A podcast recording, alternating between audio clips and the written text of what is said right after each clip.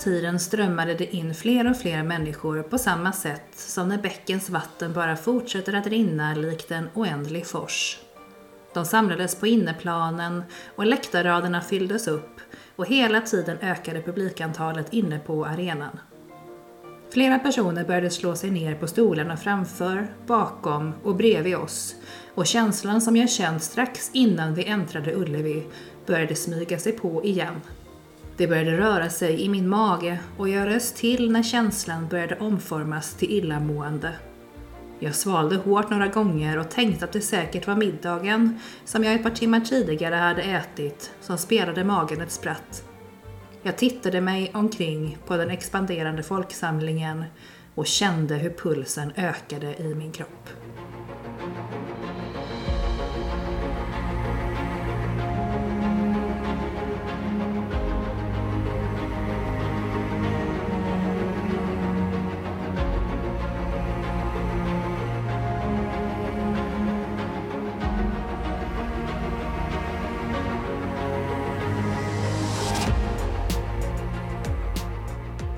Varmt välkomna till vår podd Magiska möten.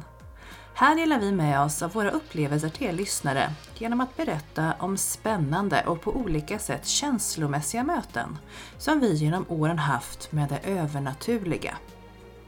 Sedan man var liten har man fått lära sig att sanningen endast kan bevisas genom fysisk existens. Men i den här podden släpper vi logiken och låter känslorna och intuitionen leda oss rätt.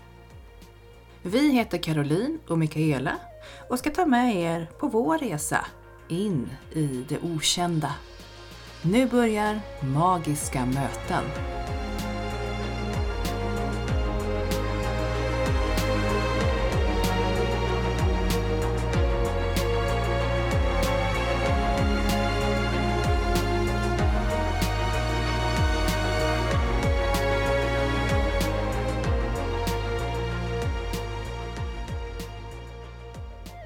Hej! Då var det dags för ett nytt eh, poddavsnitt. Och eh, den här veckan ska vi ju få följa med Caroline, eller hur? Eller hur? Vi ska ta oss till Göteborg eh, och gå på konsert. Och eh, dagens avsnitt, då ska vi ta oss tillbaka till sommaren. En eh, underbar, varm, solig dag. Stämningen på topp. Och det är folkfest för jag ska gå på Håkan Hellström. Men eh, avsnittet tar en liten oväntad vändning. Eh, min andliga gåva gör att jag upplever saker som jag annars inte brukar göra. Min öppenhet spelar med ett spratt. Och eh, kvällen blir oförglömlig. Och med det sagt så hälsar vi er välkomna till det här poddavsnittet som heter Myllrande massa.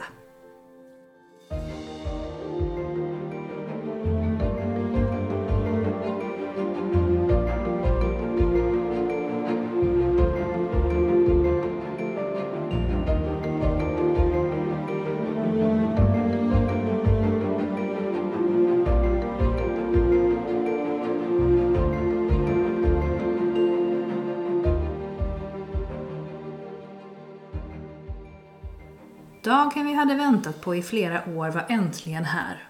Nu skulle hela Göteborg svämma över av förväntansfulla människor som alla hade samma mål i sikte. Att återigen slå Ullevis publikrekord när stadens prins skulle uppträda. Solens värmande strålar var nästan övermäktiga när vi strosade längs stadens många gator och vackra parker.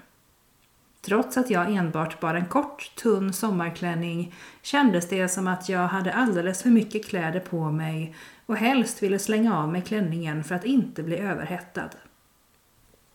Vi stannade till för en välbehövlig drickapaus på en uteservering och precis som på de flesta andra ställen strömmade välkända låtar som Känn ingen sorg för mig Göteborg, Kom igen Lena och Din tid kommer genom högtalarna. Vid nästa depåstopp på vägen mot slutmålet stannade vi till vid en restaurang och avnjöt god mat och dryck i trevligt sällskap. Vi konstaterade runt bordet att jag var den enda i sällskapet som inte sett Håkan Hellström uppträda tidigare och jag såg därför lite extra mycket fram emot att få uppleva det som alla förmedlade skulle kunna komma att bli helt magiskt. Håkan var känd för sina fantastiska konserter och var en av få artister som verkade ha förmågan att trollbinda och fånga hela publiken med sin radioaktiva utstrålning. Precis som drygt 70 000 andra personer i staden hade jag målat upp höga förväntningar inför kvällens spelning. Konsertsommar efter konsertsommar hade blivit inställd och framflyttad då samhället mer eller mindre stängt ner i omgångar på grund av den världsomspännande pandemin.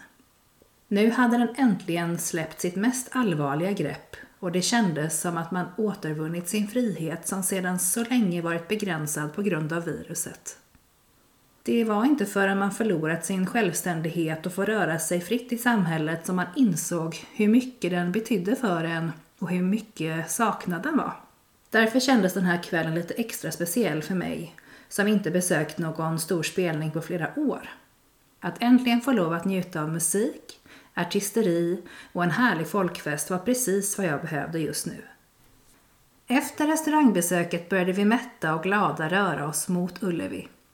Trots att vi var ute i god tid så var det flera tusen som hade ungefär samma tanke som oss, att det hade varit skönt att komma på plats i lugn och ro. När vi passerade Heden var det som att vi sögs rakt in i ett lämmeltåg som styrde i rätt riktning. Nu var det bara att följa strömmen.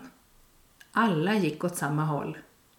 Flera personer i tåget sjöng och energinivån var verkligen på topp. Jag hamnade i mitten av folkmassan och trots den goda stämningen började en annan känsla smyga sig på. Jag blev med ens lite vaksam och obekväm mitt i vimlet. Jag hade druckit ett par cider men var absolut inte berusad, så det var inte troligt att det var alkohol som påverkade mitt sinne. Jag tittade försiktigt runt omkring mig och alla människor var i feststämning. Sång, skratt och glada tillrop fanns runt omkring mig, oavsett åt vilket håll jag vände blicken. Men trots det så kände jag en olustkänsla. Det var något osynligt, men ändå påtagligt, som låg där och gnagde under ytan. Ungefär som när ett gruskorn kilar ner och lägger sig mellan strumpan och skosulan och börjar påverka stegen man tar. Det är så litet att det knappt är märkbart, men ändå är det jobbigt att fortsätta trampa på helt obehindrat.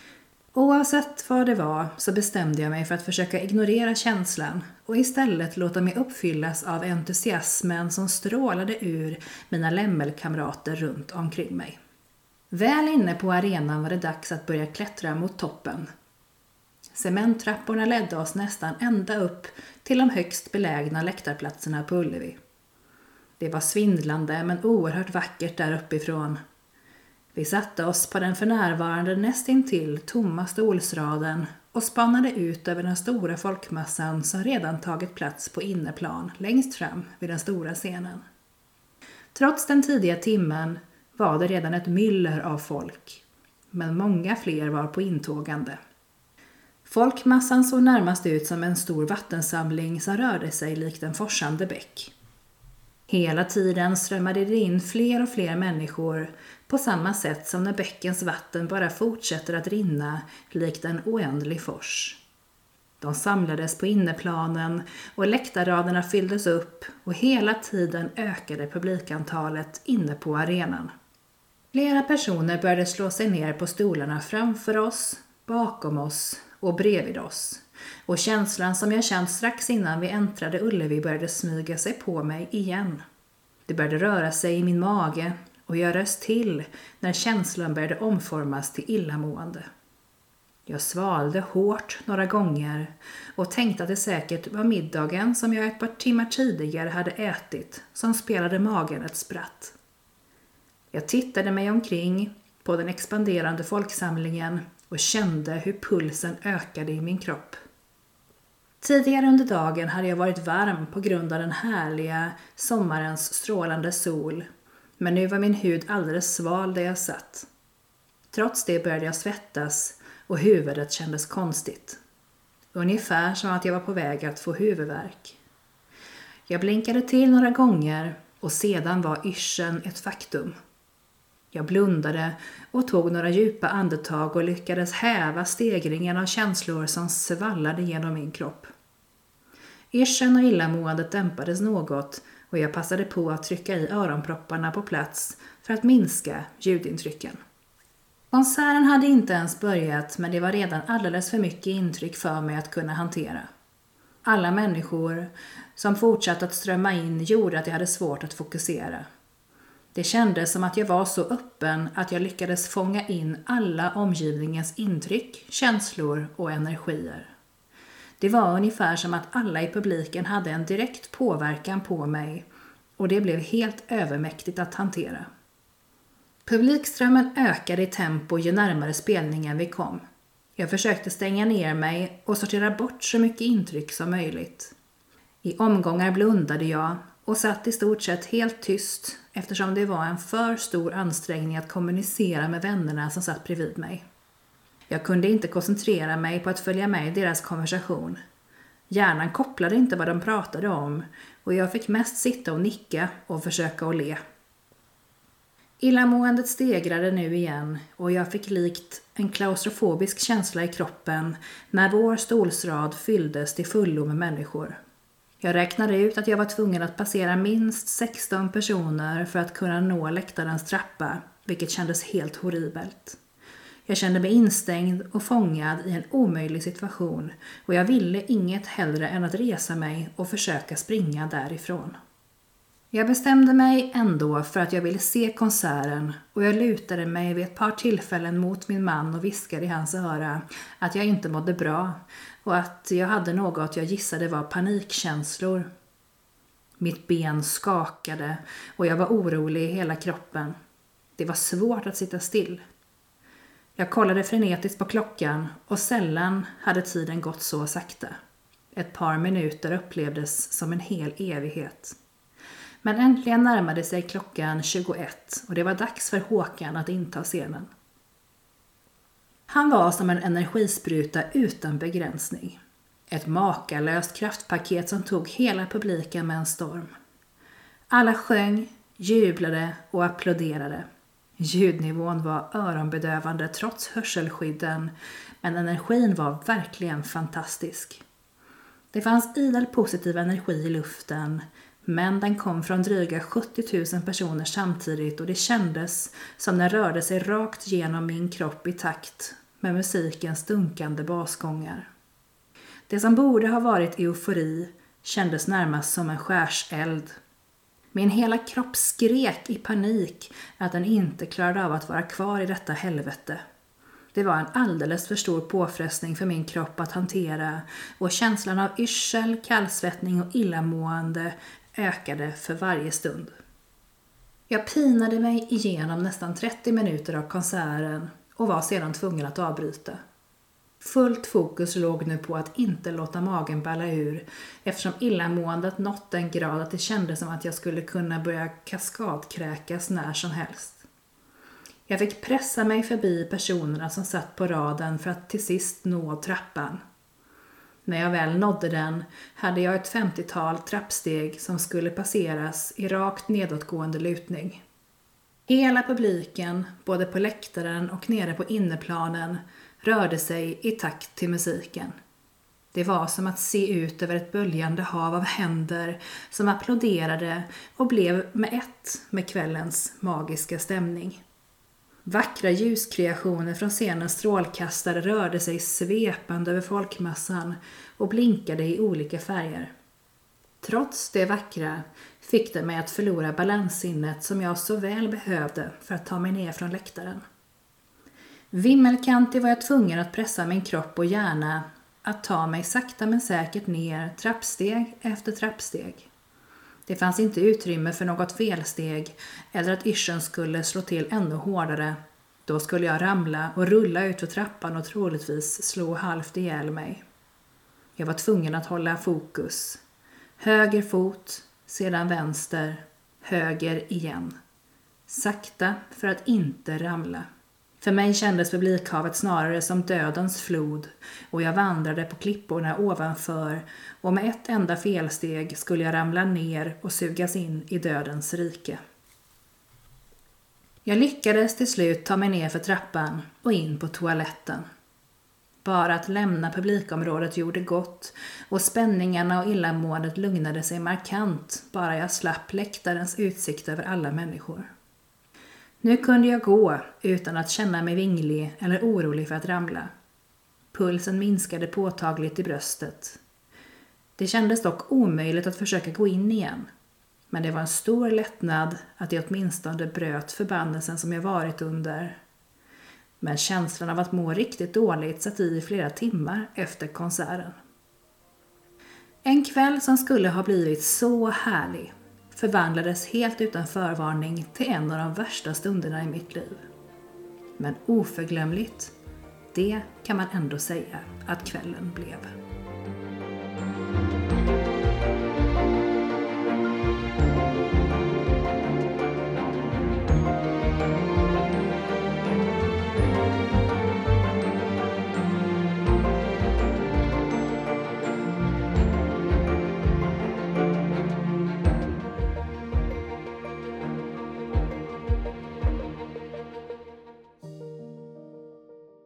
Jag kan ju lite grann förstå varför du hamnar i den situationen du hamnar i. Men eh, för att backa bandet lite grann, hur kändes det här när du upplevde det här? Ja, det var en väldigt, väldigt märklig känsla. Någonting som jag inte har varit i närheten av att känt tidigare.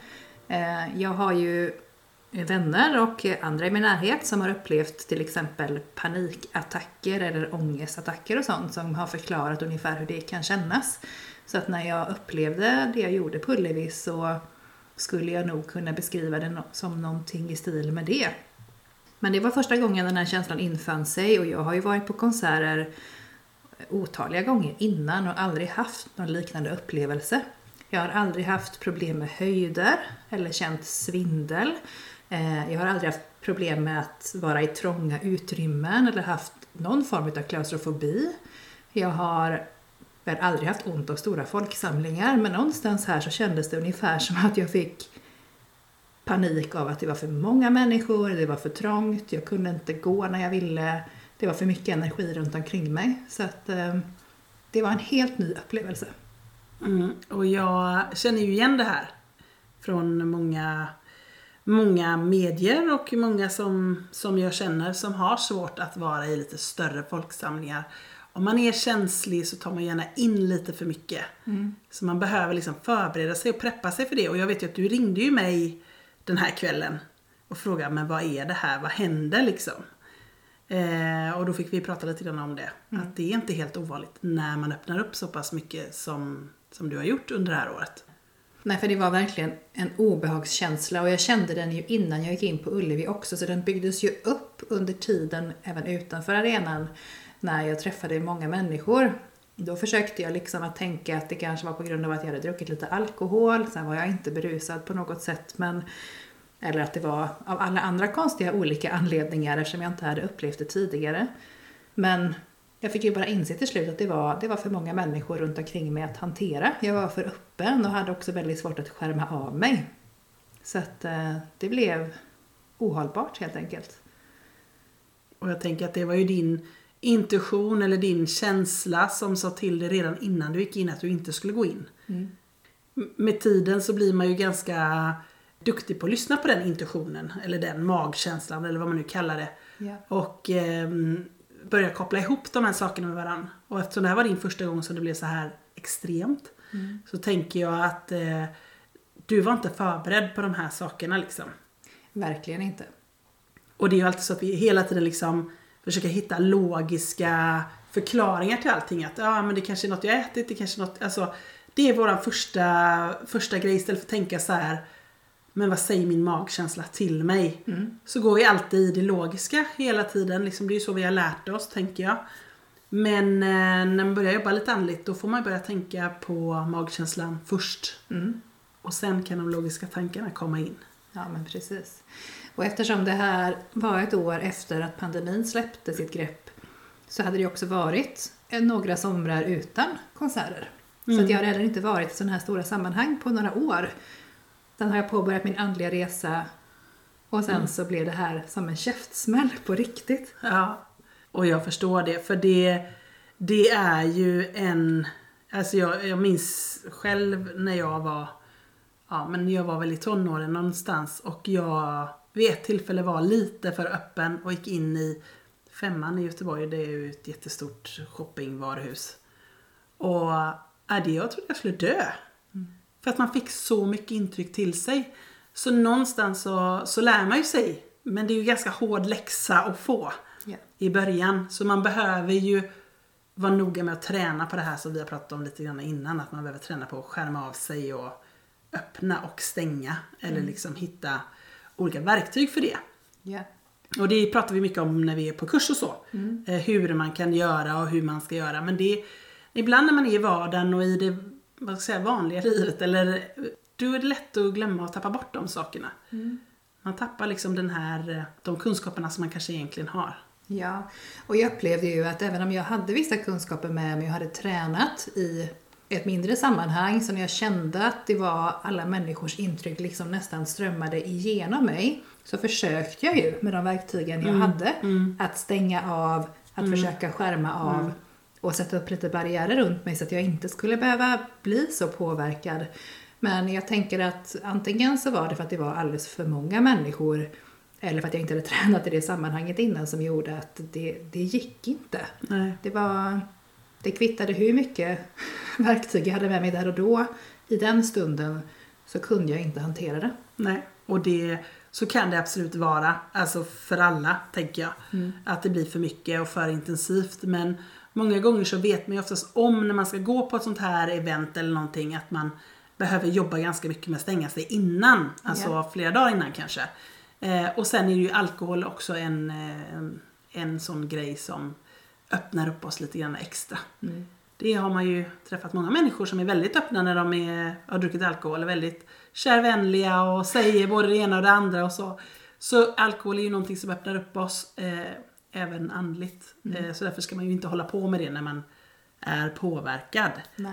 Eh, men när man är lite känslig och inne i en sån här process liksom och har börjat med det då, då eh, tar ju man varje tillfälle till att öppna upp sig lite grann utan att man ens tänker på det. Eh, och då är det klart att då kan sånt här hända. Men det är ju väldigt jobbigt när det händer och man tror ju nästan man ska dö. Man får alla de här känslorna till sig. Ja, jag var inte säker på att jag skulle klara av att ta mig ner för trappan och ut därifrån. Det kändes nästan helt omöjligt. Så det var ju skönt att jag ändå klarade av att hantera situationen så pass att jag kunde ta mig därifrån av egen maskin. För en stund så kändes det som att det är inte säkert att någon, någon kommer få bära mig härifrån. För att jag... Nu dör jag. Mm. Och alla, alla som någon gång har haft panikångest vet ju hur det känns. Det känns ju som man ska dö. Alltså det är ju fruktansvärt. Så jag tänker att, eh, och det pratar man ju oftast om att många som har panikångest är lite mediala och lite känsliga. Så att de lätt eh, hamnar i det, det, den känslan liksom. När det blir för mycket runt omkring. Jag hade ju verkligen sett fram emot en, en toppendag och det var det ju också. Eh, Och konserten fick väl högsta betyg tror jag och de som, de som frågade mig efteråt som var lite avundsjuka på att jag hade varit där bara åh men hur, hur var det egentligen? Det måste ha varit fantastiskt. Och jag bara nej, Och du bara, nej jag gick. jag gick. men det berodde inte på konserten i sig eller på artisten såklart men ehm, ja, det, det var, jag var verkligen överrumplad över den känslan för den var inte lik någonting jag tidigare upplevt. Eh, Och det är klart att nu vet jag ju att ska jag gå på konsert någon mer gång jag funderar på att aldrig göra det igen faktiskt. Ja, det För förstår så, jag. Så jobbigt var det. Men då är det som du säger, då vet man om det. Eh, Och då kanske man också kan förebygga det på ett annat sätt. Då kanske inte jag ska ta ett par sidor innan och jag kanske ska vara noga med att jobba med att stänga mig innan och sådär. Eh, Och kanske ta en läktarplats där man inte sitter inklämd Mm. längst upp. Där svindeln är som störst kanske eller... Mm. Ja. Eh, Vi får se. Ja, och musik är ju också en sån sak som öppnar upp oss och får oss att öppna oss. Och så det och alkohol och det här sammanhanget kan ju vara många saker som har påverkat dig till att öppna upp liksom lite extra.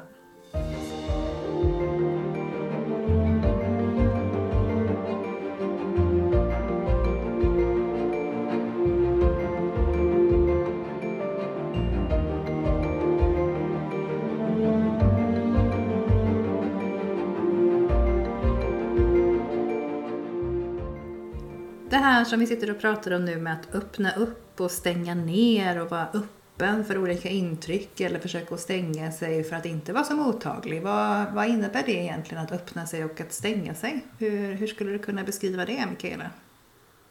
Ja, någonstans så, så um, har vi pratat om det förut att vi är ju väldigt olika när vi jobbar som medium och så.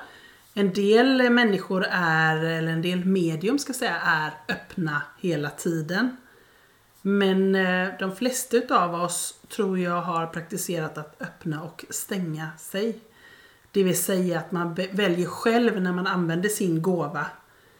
Och då öppnar man upp sig och det gör man genom att vi har ju chakran i vår kropp. De chakrarna försöker man öppna upp lite extra. Eh, och sen när man inte då ska arbeta så försöker man stänga igen de chakrarna. Så att man inte går och är vidöppen och tar in allt som alla andra upplever eller när man kommer in i ett rum och någon har bråkat och man tar emot allting det så går man ju bär på andras skräp eller andras eh, känslor eller sånt. Och eh, alla som är lite känsliga de tar ju gärna suger ju upp från sin omgivning alltingen. Därför är det viktigt att lära sig att stänga igen. Men jag vet att det finns sådana som är öppna jämt, som inte kan stänga igen, som bara är öppna jämt, som bara alltid är i kanal så att säga. För mig hade det blivit ohållbart. Alltså, då, då tar jag slut helt liksom. Jag behöver, jag behöver eh, öppna och stänga med jämna mellanrum. För det tror jag att många kan skriva under på det som du beskrev också, en av dina situationer när du har fått den här känslan som jag beskriver också på Ullevi att det blir för mycket intryck att ta emot. Eh, När man går in på ett köpcentrum eller man är i en stor folksamling. Det kan ju gemene man säkert relatera till att eh, man blir trött. Det blir ganska mycket intryck och även om man inte aktivt registrerar allting så blir det väldigt mycket för hjärnan och kroppen att processa. Lite så. Och många gånger kan man ju också uppleva att man, man mår bra och man är glad och allting är bra. Och så sätter man sig på ett tåg till exempel och så helt plötsligt blir man ju nere och ledsen och mår inte alls bra. Bara var kom det här ifrån? Då har man ju absorberat upp någon annans känslor eller tankar eller mående i sig och, och många av oss är väldigt, väldigt känsliga. Så att eh, vi tar ju, plockar ju gärna upp saker och ting från vår omgivning. Där behöver vi träna oss på att vad är jag och vad har jag plockat med mig? Liksom, vad har jag plockat upp från andra? Eh, så att man inte helt går under utav andras känslor. Det är ju nog med ens egna känslor tänker jag. Det är ju, kan ju vara jobbigt och tungt nog bara det. Så i och med att jag jobbade mycket andligt och tränat på det under förra året och inför den här konserten då var ganska aktiv med min andliga sida så tänker du att jag var så öppen så det bidrog till att jag drog igenom 70 000 andra människors känslor. Ja, lite så. Alltså någonstans i början när man tränar på att eh, öppna upp och stänga igen så är det svårt att stänga igen helt. Och också kanske att öppna upp helt. Det är liksom en process som tar tid. Det är ju någonting man behöver lära sig och man behöver träna ganska mycket på. Så i början kan det vara svårt att reglera det och det, det kan vara svårt för alla att reglera. Alltså det är inte så att det är Alltså till exempel för mig om jag är sjuk eller om jag dricker alkohol eller eh, om jag går in på ett sjukhus. De situationerna har jag väldigt svårt att kontrollera min förmåga och bara stänga igen den. Okej. Så att om jag får feber till exempel, då blir jag vidöppen. Så min mardröm var ju när jag hamnade på sjukhus och var jättesjuk själv. det var ju liksom ingen höjdare. För då fick du in många För då kunde jag inte stänga också. liksom igen. Nej. Utan då var jag bara helt vidöppen och det, det är ju ingenting som man mår jättebra utav att vara hela tiden. För man behöver ju på något sätt eh, få en paus med sig själv. Jag hade inte heller klarat av att jobba med andevärlden om jag hela tiden var påkopplad på den. Alltså, det är ju, det är ju som att ha en butik. Det bara kommer andar in hela, hela tiden. Ja. Någonstans behöver man ju en paus och inte jobba med det. Så att man behöver liksom lära sig de gränserna. Och det är svårt i början. Det är jättesvårt, det tar tid. Och många gånger när man väl har lärt sig öppna upp så är man lite mer öppen än vad man kanske behöver eller borde vara. För det är kul. Ja. För att det är en härlig grej att man har lärt sig det och man, man tycker liksom att det är wow, så här. Och då är det svårare att stänga igen helt plötsligt. Men när man börjar sin andliga resa så är man oftast mer igenstängd och har svårare för att öppna upp. Så det är lite grann vart man är i sina faser. Ja. Och sen eh, kan det hända andra saker som gör att man blir påverkad utav det också. Du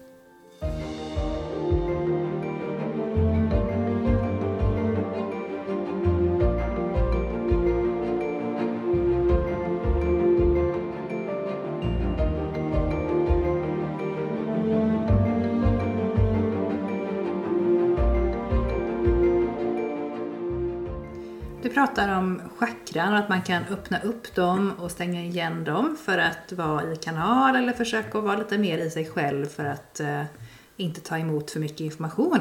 Vad är chakran för någonting? Chakran är ju ett annat ord för livshjul. Och eh, man säger att våra chakran sitter i våran aura, våran liksom energikropp som vi har utanför kroppen. Och de består av olika färger. Man kan se att eh, om någon har mycket utav en färg så skulle man kunna tänka sig att de här, de här personlighetsdragen skulle kunna stämma väl in på den här personen. Och det är ju det som många är nyfikna på att titta på sin aura. Hur ser min aura ut? Eh, vilka färger är det?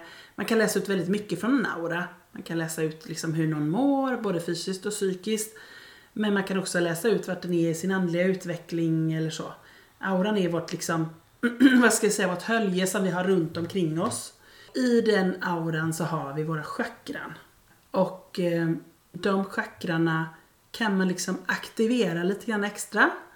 Och man kan också låta dem att bli lite mindre aktiva. Och det är det man pratar om när man försöker öppna upp då, att man öppnar sina chakran.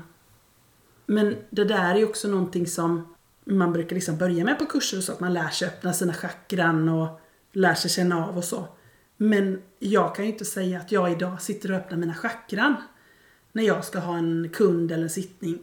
Utan för mig går det helt naturligt nu. Nu, nu, nu händer det bara. Det är bara en process som händer. Precis som om man andas eller som man ska sjunga en trudelutt eller någonting. Alltså någonstans så, så händer det lite av sig självt. Det är ingenting som jag behöver aktivt göra nu för tiden.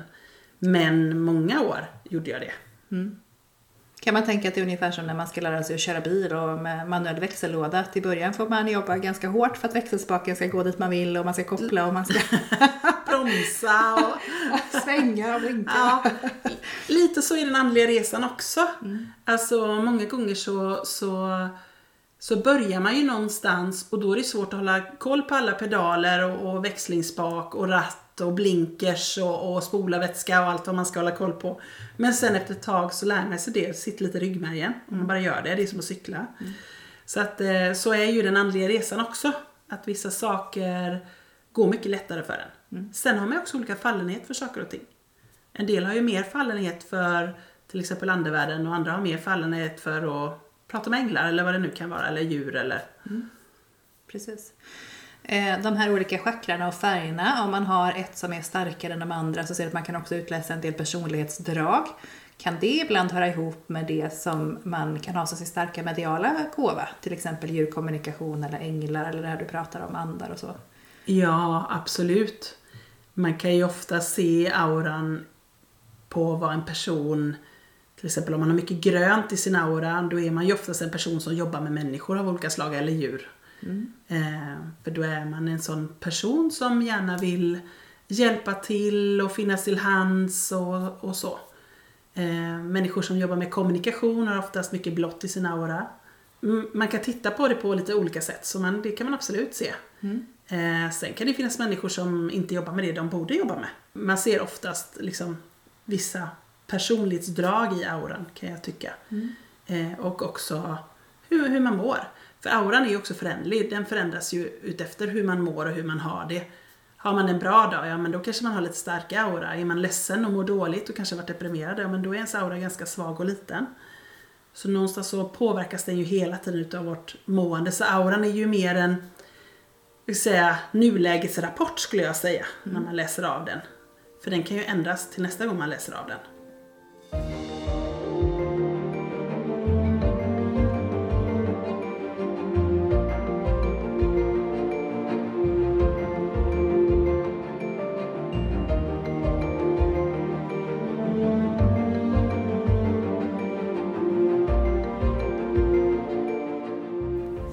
Ja, utifrån den här upplevelsen så är det ju frågan om det blir någon konsertsommar för mig 2023.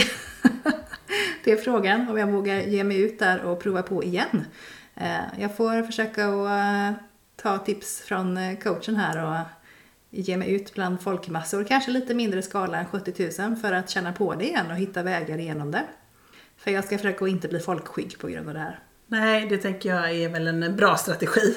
Och det är en bra strategi att träna i lite mindre sammanhang kanske. eh, och så. Det ja. tycker jag absolut. För det, det är klart att man ska göra roliga saker ändå. Även fast ja. man är medial så får man ju faktiskt eh, ha skoj och gå på konsert. Det tycker jag. det låter bra.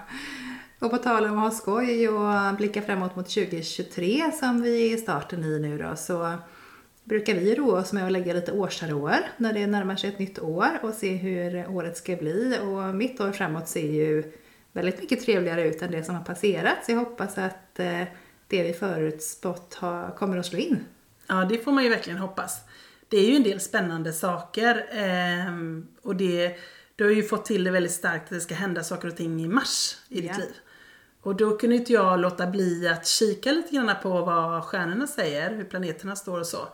Och det som är roligt är att planeterna står eh, på samma sätt i mars i år som de gjorde exakt under franska revolutionen. Så att jag är jättespänd på att se vad som kommer hända i ditt liv. Men framförallt så är jag ganska spänd på att se vad som händer i världen eller eh, runt omkring. Ja, man kan ju hoppas att det händer spännande saker för fler än bara mig i mars då med tanke på ja. planetkonstellationerna. Och, och, inte franska revolutionen, inte den, eh, det behöver inte vara död och eh, giljotiner och sånt utan det kan ju vara andra saker får vi hoppas. Positiva saker. Eller hur. Men du eh, har ju fått till lite saker också. Du bara fick till dig lite framtidsvisioner när vi satt och tog en kopp te för en stund sedan. Ja, och jag brukar ju göra det. Jag brukar ju förutspå alla nya år. Dels brukar ju vi göra det för våra egna personliga år mm. men också lite granna vad man tänker sig ska kunna hända eller så man känner in lite grann. Men det, blev, det kom ganska spontant ikväll. Ja, absolut. Och det, det vill jag gärna göra när vi träffas. men, men några saker som jag kan nämna inför året som, som ändå tycker jag är viktiga. Det är väl att vi kommer hamna i lite högre energi. Vi har ju gått in i någonting som heter femte dimensionen. Där hamnar vi i lite högre energi vilket gör att det blir lite lättare saker och ting lite mer eh, lekfullt, det blir lite mer nyfikenhet, det blir lite mer flöde i saker och ting. Och det kan vi verkligen behöva efter den här liksom ganska tunga perioden med både covid och krig och allt som vi har gått igenom liksom runt omkring i världen. Det känns som att det har varit tunga saker. Så att eh, någonstans behöver vi lyfta vår energi och det kan man se, tycker jag, att det kommer det bli under 2023. Jag kan även se att eh, det blir mycket mer feminin energi in. Alltså det kommer eh, höjas upp en hel del och jag tror att kvinnorna kommer få ta mycket mer plats i olika maktpositioner och annat. Mm. Och det har vi redan sett att det börjar hända men jag tror att ännu mer kommer det hända runt omkring i världen. Men man kan också se att det ehm, kommer nog att falla en del eh, lite större saker som, eh, som har hållits dolda. Alltså saker och ting som inte, som inte har kommit upp i ljuset än kommer nog komma upp i ljuset. Så det kommer bli att de människorna som har suttit på maktpositioner och missbrukat det kommer nog eh, råka lite illa ut och komma ut i blåsvädret. Det kommer synas liksom. Mm. Så jag tror att saker och ting kommer komma upp till sin yta. Och sen en annan sak som vi pratade om var ju också att jag kan se mycket nya innovationer.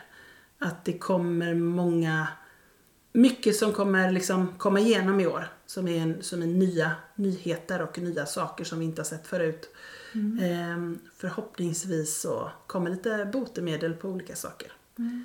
Så att det känns som ett väldigt positivt år och ett år där vi lyfter lite grann energin. Mm. Där det finns en del positiva saker att hämta för alla. Inte bara för dig och för mig Nej, kanske utan precis. för oss alla runt omkring. Så det är väl någonting som man kan ta med sig att eh, lite lättnad i energin. Så går man och har lite tungt och jobbigt, för 2022 var ganska tungt. Det var ganska tungt från alltså oktober någon gång, då började det bli riktigt tungt. Eh, och för många av oss har ju haft eh, det tungt sedan dess. Mm. Det har liksom med energiskiften och sånt att göra. Det här som man har pratat väldigt mycket om att gemene man och hushåll och så kommer få det tufft ekonomiskt. Hur ser det ut framåt jag tror inte att det kommer bli lika tufft som man har förutspått. Det kommer klart bli tufft för en del. det är ju tyvärr så att de som redan har det tufft får det fortsatt tufft. Alltså så är det ju lite grann. Men jag tror ändå att det kommer lätta lite mer än vad vi har förutspått. Det kommer inte bli lika tungt. Nej. Det är min känsla. Så det är ju bra att eh, vi går mot lite ljusare och lättare tider. Eh, och det ser ut att bli en liksom, positiv sommar tänker jag för väldigt många. Mm, det är lite roligt. Det ser vi fram emot. Eller hur? Nu längtar man efter sommaren när det är midvinter på utsidan och istappar i, i takrännorna.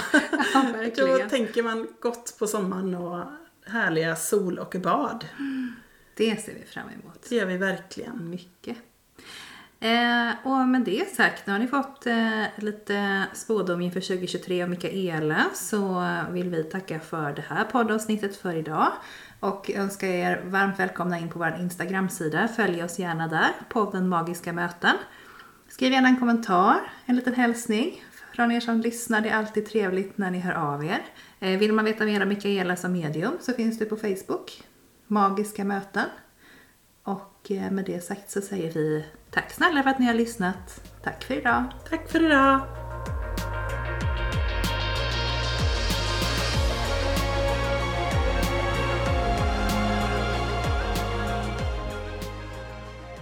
Sedan man var liten har man fått lära sig att sanningen endast kan bevisas genom fysisk existens. Men i den här podden släpper vi logiken och låter känslorna och intuitionen leda oss rätt. Tack för att ni har lyssnat på Magiska möten.